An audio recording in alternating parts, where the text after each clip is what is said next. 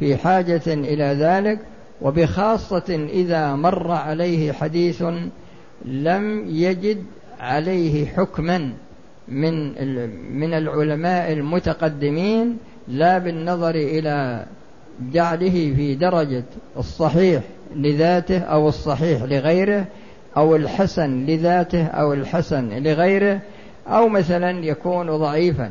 يعني ما نص عليه ما نص على درجته فيحتاج هو إلى أن يت... إلى أن يبحث عنه. وهكذا بالنظر إلى ما يعترض المتن من العلل من الشذوذ وغير ذلك هذا موجود أيضا في علوم الحديث. فيه من علوم الحديث كتاب مقدمة ابن الصلاح والعراقي رحمه الله قام وشرح هذا هذه نظم هذه المقدمة وشرحها أيضا لها شرحان شرح مطول وشرح مختصر وكلها متيسرة وموجودة. المهم هو أن طالب العلم في في أمس الحاجة إلى معرفة علوم الحديث ويحتاج أيضا إلى معرفة أسباب ورود الحديث. يحتاج إلى معرفة أسباب ورود الحديث. وفيه أيضا كتب مؤلفة ومتيسرة في الأسواق لمن أراد الاطلاع عليها. ويحتاج أيضا إلى معرفة الناسخ والمنسوخ. يحتاج إلى معرفة الناسخ والمنسوخ من الحديث. ففيه كتب أيضا مؤلفة في في يعني في في بيان الناسخ والمنسوخ. وفي كتاب اسمه الاعتبار في الناسخ والمنسوخ من الآثار. هذا من أحسن الكتب التي ألفت في هذا الموضوع. بس المهم هو أن طالب العلم في أمس الحاجة إلى أن يعرف الناسخ من المنسوخ لأنه قد يتكلم في حديث ويكون هذا الحديث منسوخا. وبعد ذلك يتكلم عليه على أنه محكم. يتكلم عليه على أنه محكم. ويحتاج أيضا إلى معرفة أصول الفقه وذلك من أجل الاستنباط من الأحاديث استنباط يستنبط منها استنباطا محكما. ما يستنبط استنباطا عشوائيا لأن في بعض الناس تجد أنه يستنبط كما سبق في القرآن يستنبط استنباطا فكريا عشوائيا بمعنى أن المعنى الذي ينقدح في ذهنه يقول إن الآية تدل عليه أو أن هذا الحديث يدل عليه. فإذا وكذلك وكذلك في كتاب اسمه تأويل مشكل الحديث تأويل مختلف الحديث. تأويل مختلف الحديث وفيه كتاب أوسع منه وهو مشكل الآثار. مشكل الآثار للطحاوي يقع في أربعة عشر مجلد. وقد اختصر والمختصر قد اختصر في كتاب اسمه المعتصر من المختصر من مشكل الآثار. فمشكل الآثار هذا مشكل الأحاديث مشكل الأسانيد ومشكل المتون. ويأتي بالإشكال ويأتي بالجواب عنه. والكتاب هذا من هو أوسع الكتب التي كتبت في هذا الموضوع. فالمقصود هو أن طالب العلم إذا أراد أن يدرس السنة فلا بد أن يكون ملما بهذه الوجوه حتى تكون دراسته للسنة سندا ومتنا على بصيرة. وكذلك إذا أراد ربطها في مواضعها من القرآن يكون يكون على بصيرة. وكذلك الك... الذي ذكرته فيما يتعلق باللغة من ناحية الوضع والاستعمال ومن ناحية التصريف والاشتقاق والإعراب والبلاغة كما أنها لا بد منها فيما يتعلق بالقرآن فكذلك لا بد منها فيما يتعلق بالحديث.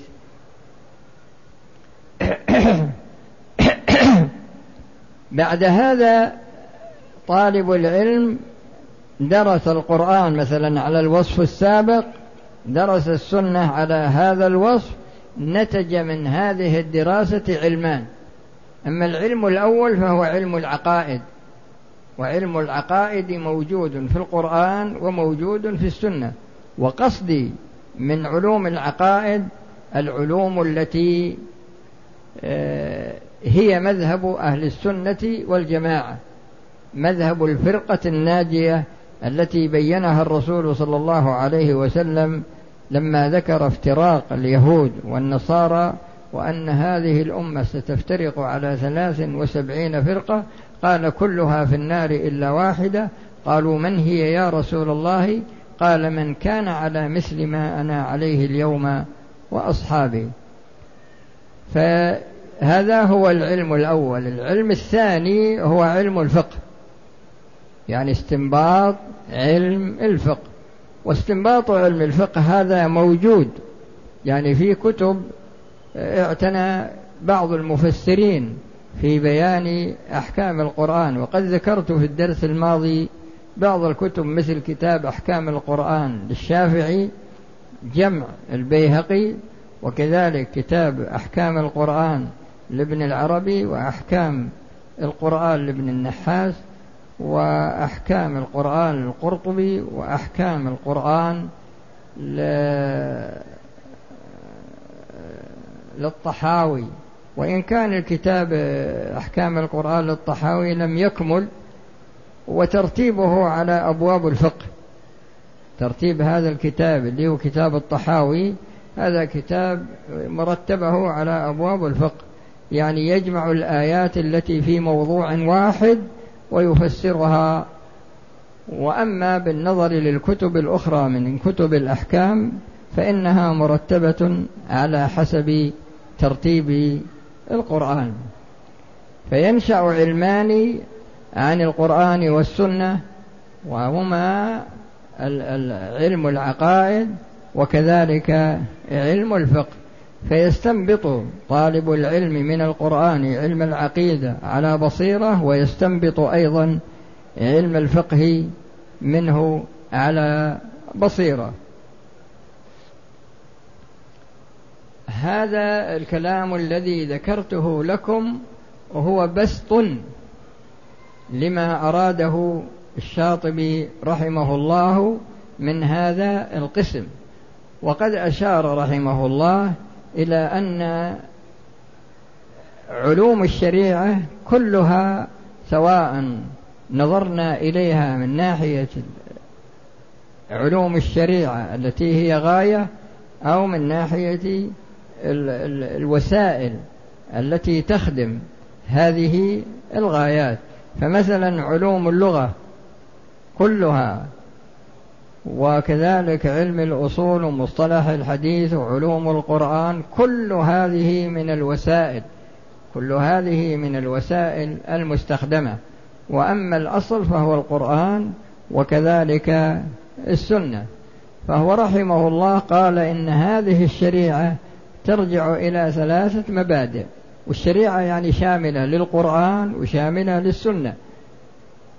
قال إن هذه الشريعة ترجع إلى ثلاثة مبادئ الضروريات والحاجيات والتحسينيات. وذكر في موضع آخر تفصيل الكلام على الضروريات والحاجيات والتحسينيات لكن هو أراد بالضروريات هنا حفظ الدين وحفظ آه، النفس وحفظ العقل وحفظ النسل وحفظ المال. ويذكر بعض العلماء سادسا وهو حفظ العرض. هذه هي الضروريات. الحاجيات هي ترجع إلى الضروريات من ناحية أن فروع الحاجيات متفرعة عن مبادئ الضروريات وفروع التحسينيات أيضا متفرعة عن فروع عن عن عن الضروريات. وأذكر لكم يعني مثال أو مثالين وبعد ذلك تقيسون عليهما. إذا نظرنا إلى الصلاة وجدنا أنها متعلقة بحفظ الدين. لكن إذا نظرنا إلى الصلاة وجدنا أنها مشتملة على أركان وشروط وواجبات وسنن. ووجدنا أنها مشتملة على العزيمة والرخصة. ومعنى الرخصة أن الشخص مثلا إذا دعت الحاجة يجمع مثلا بين المغرب والعشاء في الحضر. وإذا كان في السفر مثلا يجمع بين الظهر والعصر جمع تقديم أو تأخير ويجمع بين المغرب والعشاء جمع تقديم أو تأخير ويصلي الرباعية اثنتين. ففيه قصر من جهة وفيه جمع من جهة أخرى. جميع الرخص التي جاءت في الشريعة هي تعتبر نوع من أنواع الحاجيات. جميع الرخص التي جاءت في الشريعة تجدون أنها عبارة عن نوع من أنواع الحاجيات. أما بالنظر للتحسينيات فإذا نظرنا إلى الصلاة وجدنا مثلا السنن. السنن يعني مثلا زيادة التسبيح عن واحدة في الركوع وزيادة التسبيح في السجود عن مرة واحدة ومثل قراءة السورة بعد الفاتحة في الركعتين الأوليين من الظهر والعصر وكذلك في المغرب وكذلك العشاء وكذلك القراءة في الفجر والإطالة في القراءة في يعني جميع السنن. جميع السنن الموجودة في الشريعة في أي باب من أبوابها تجدون أنها تعتبر من التحسينيات تعتبر من التحسينيات. فالأمر يكون ضروريا يكون حاجيا يكون تحسينيا يعني يكون يعني مشتمل على الضروري ومشتمل على الحاجي ومشتمل على التحسيني. ومشتمل على التحسيني وإذا نظرنا إلى المبا إلى الأمور الستة التي ذكرتها لكم نجد أيضا أنها موجودة في الحاجيات ونجد أيضا أنها موجودة في التحسينيات. لكن درجة الضروري تختلف عن درجة الحاجي ودرجة التحسين تختلف عن درجة الحاجي.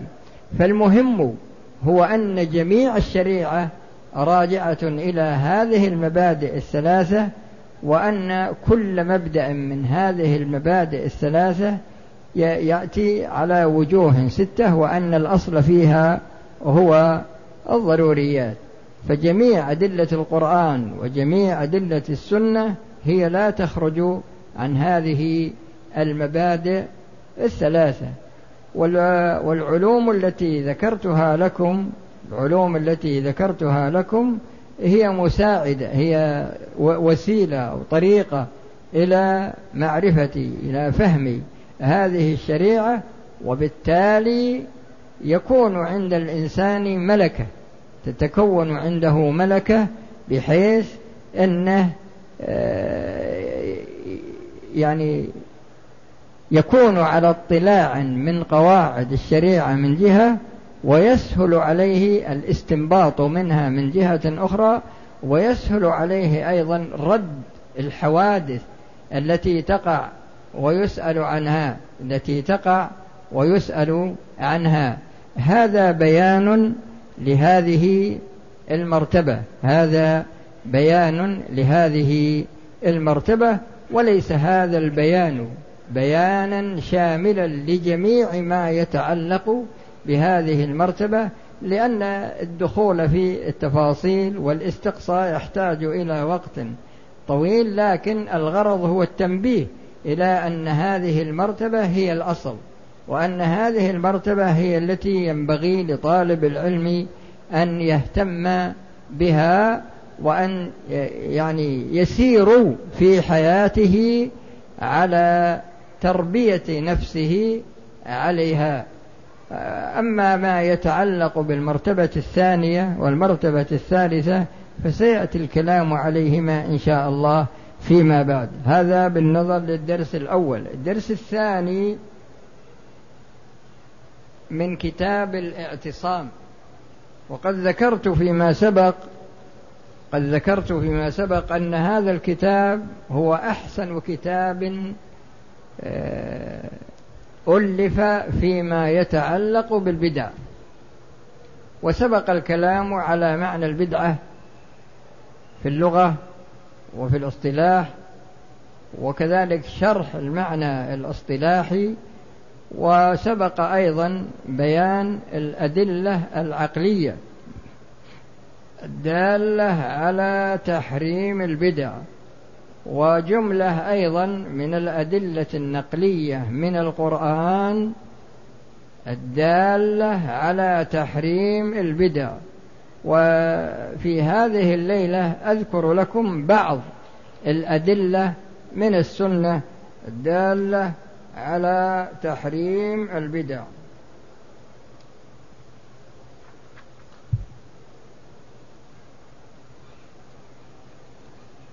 يقول رحمه الله الوجه الثاني من النقل لأنه ذكر الوجه الأول من ناحية أدلة العقل وذكر الوجه الثاني من أدلة من النقل وذكر أن أدلة النقل تأتي على وجهين أدلة من القرآن وسبق الكلام على جملة منها والوجه الثاني أدلة من السنة يقول رحمه الله الوجه الثاني من النقل ما جاء في الأحاديث المنقولة عن رسول الله صلى الله عليه وسلم وهي كثيرة تكاد تفوت الحصر إلا أننا نذكر منها ما تيسر مما يدل على الباقي ونتحرى في ذلك بحول الله ما هو أقرب إلى الصحة يعني قصده من ناحية الأسانيد. يعني ما يحتج بحديث ضعيف لا ما يحتج بحديث ضعيف. فمن ذلك ما في الصحيح من حديث عائشة رضي الله عنها عن النبي صلى الله عليه وسلم قال من أحدث في أمرنا هذا ما ليس منه فهو رد. وفي رواية لمسلم من عمل عملا ليس عليه أمرنا فهو رد. وذكر جملة من الأحاديث التي تدور على هذا الأصل.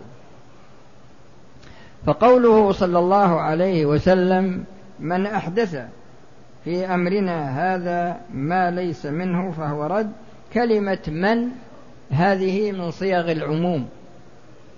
يعني عامة للذكر وللأنثى بصرف النظر عن مراتب الناس.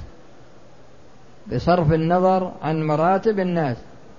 المهم هو أنه شخص مكلف من بني آدم. شخص مكلف من بني آدم. وكلمة أحدث كلمة أحدث هذا فعل ماض. وكلمة أحدث هذا تدل على أي حدث عام أي حدث. لكن الرسول صلى الله عليه وسلم قال في أمرنا من أحدث في أمرنا هذا في أمر الرسول. أمر الرسول ما هو؟ أمر الرسول هو الشريعة. أمر الرسول هو الشريعة. لأن الشريعة نزلت على الرسول صلى الله عليه وسلم القرآن والسنة فقوله في أمرنا هذا يريد به الشريعة يريد به الشريعة. من أحدث في أمرنا يعني, يعني من أحدث في هذه الشريعة. ما ليس لأن الإنسان قد يحدث في الشريعة ما هو منها. وكلم لأنك إذا منك صليت الظهر فأنت أحدثت هذه الصلاة. وإذا زكيت أحدثت الزكاة. وإذا حججت وهكذا. ولهذا الرسول صلى الله عليه وسلم قال ما ليس منه. لأن هذا يدل على أنه قد يحدث أمرا من الشريعة. وليس معناه أنه يبتدئ تشريع من عنده لا. لكن يطبق يطبق الشريعة يعني يمتثل في باب الأوامر وفي باب النواهي. يمتثل في باب الأوامر وفي باب النواهي. فكل حادثة يعني توجد من أمور من من مفردات الشريعة توصف بأنها حادثة لأنها حصلت بعد أن لم تكن. مثل صلاتك اليوم ما حصلت أمس. لأنك صليت أمس وقتها صليت الآن هذا الوقت وهكذا في سائر الأمور التي يحدثها الإنسان يعني يفعلها هذا يكون تطبيقا للشريعة. لكن عندما يحدث أمرا ليس من الشريعة في شيء. يكون أمرا زائدا أو يكون أمرا ناقصا. يعني إما أن يكون هذا التصرف فيه نقص من ناحية الشريعة أو أن يكون هذا التصرف فيه زيادة عن الشريعة. ولا شك أن هذا معارض لقوله تعالى اليوم أكملت لكم دينكم وأتممت عليكم نعمتي ورضيت لكم الإسلام دينا فلا يجوز أن يزاد في هذه الشريعة ولا يجوز أن ينقص منها ولا يجوز أن يغير منها شيء. يعني ما تغير مثل واحد في في بلده وهو كان الحاكم العام اقترح على العمال أنهم يصلون الجمعة مرتين يعني ينقسمون. لأنه يقول إن الجماعة إن إذا عطلوا جميع يكون هذا فيه نقص من ناحية الإنتاج. من ناحية الإنتاج. فهذا يكون من البدع. من أحدث في أمرنا هذا ما ليس منه لأن ما يوجد في الإسلام جمعتان في بلد واحد. لا يعني فيصلي مثلا في مسجد واحد ما يوجد ابدا لكن هذا بحكم سلطته قال لهم هذا الشيء ولكنه ما تم. ولكن هذا الشيء واقترح أيضا إلغاء الصيام.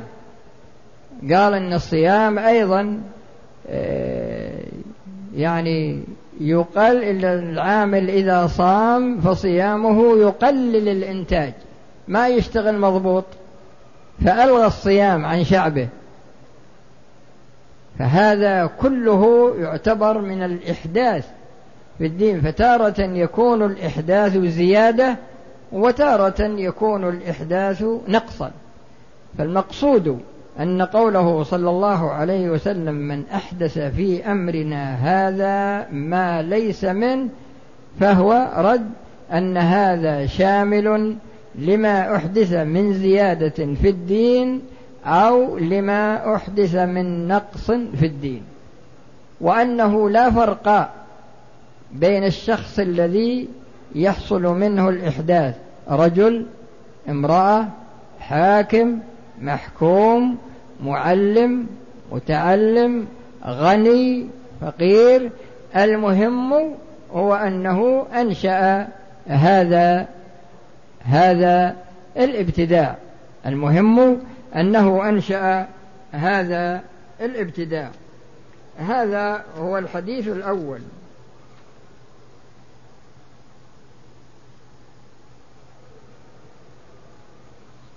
وهذا دليل آخر في الصحيح من حديث أبي هريرة قال قال رسول الله صلى الله عليه وسلم من دعا إلى الهدى كان له من الأجر مثل أجور من يتبعه.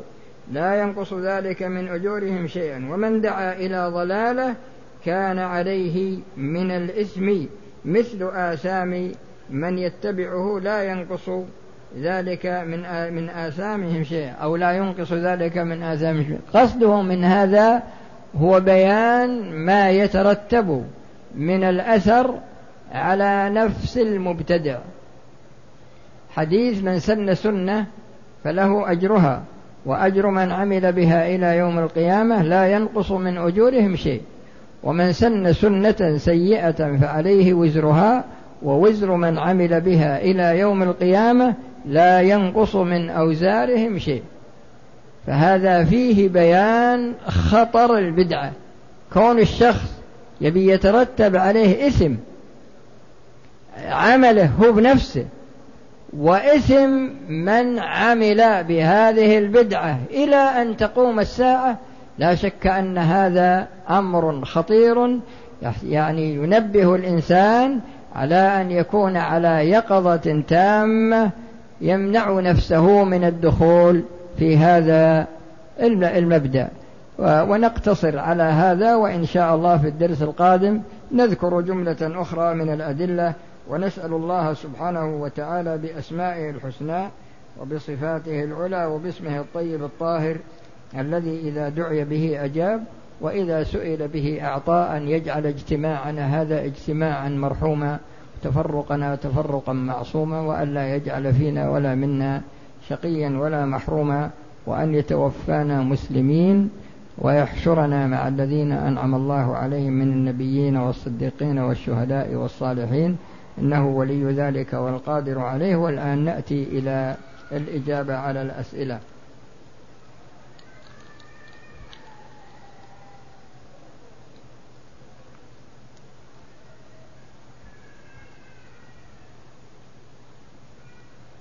يقول أن جالس في الحرم على مدى أربع وعشرين ساعة وأكثر من الخروج إما للأكل أو الوضوء فهل علي في كل ما أدخله؟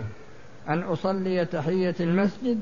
إذا دخلت فإنك تطوف وإذا وإذا لم يتيسر لك الطواف فإنك تصلي ركعتين. وهل إن كان الإنسان على غير وضوء لا ادخل على وضوء توضأ واحترم المسجد وادخل على وضوء وصل ركعتين. لأن لأنك جالس في المسجد تتعبد.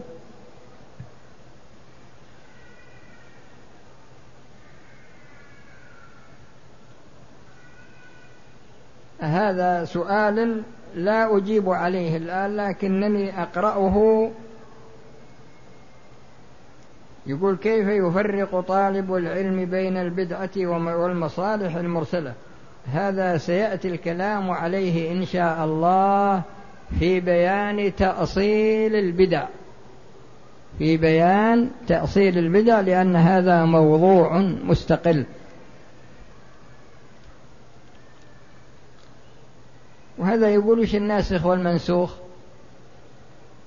الناسخ دليل يأتي من القرآن والمنسوخ يكون من القرآن. يعني القرآن ينسخ بعضه بعضا والسنة ينسخ بعضها بعضا والقرآن ينسخ السنة والسنة تنسخ القرآن. إيش هالكلام هذا؟ اشتر لك كتاب من السوق و... إيش هالكلام هذا؟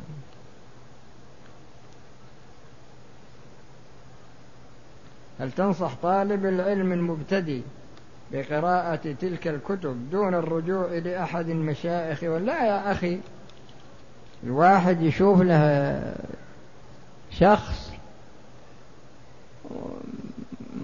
عنده قدرة على تعليم نوع من العلم. ففي بعض بعض العلماء يكون مثلا عنده اهتمام في التفسير أكثر. وفيه من يكون عنده اهتمام بالسنة في من يكون عنده اهتمام بالعقيدة وفي من يكون عنده اهتمام بالفقه وبالأصول وهكذا. فأنت انظر إلى العالم بماذا برز فيه من العلم وادرسه عليه. أما كونك تدرس في البيت عند أمك تأخذ لك كتاب وتقرأ فيه هذا ما هو بطلب علم.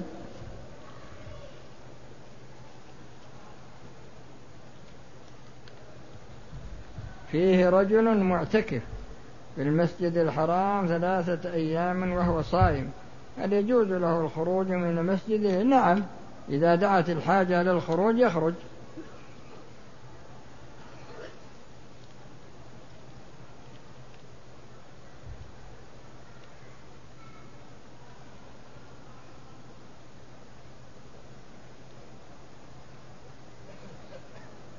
وش ما رأي الدين في من يقوم بأكثر من عمرة أثناء فترة وجوده بالمملكة عن نفسه وعن غيره؟ جزاه الله خيرا. لكن إذا اعتمر عن غيره وهو ميت أو عن غيره وهو حي عاجز عن المجيء. إذا كان عن حي عاجز من المجيء فيخبره بأنه سيأخذ له عمرة قبل أخذها.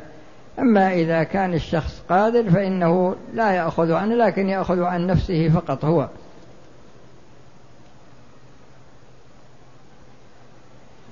إن طالب علم أخاف على نفسي. إن قرأت كتاب الزمخشري لا لا تقرأ فيه حتى تتقن علم البلاغة. إذا أتقنت علم البلاغة ففي إمكانك أن تقرأ فيه وإذا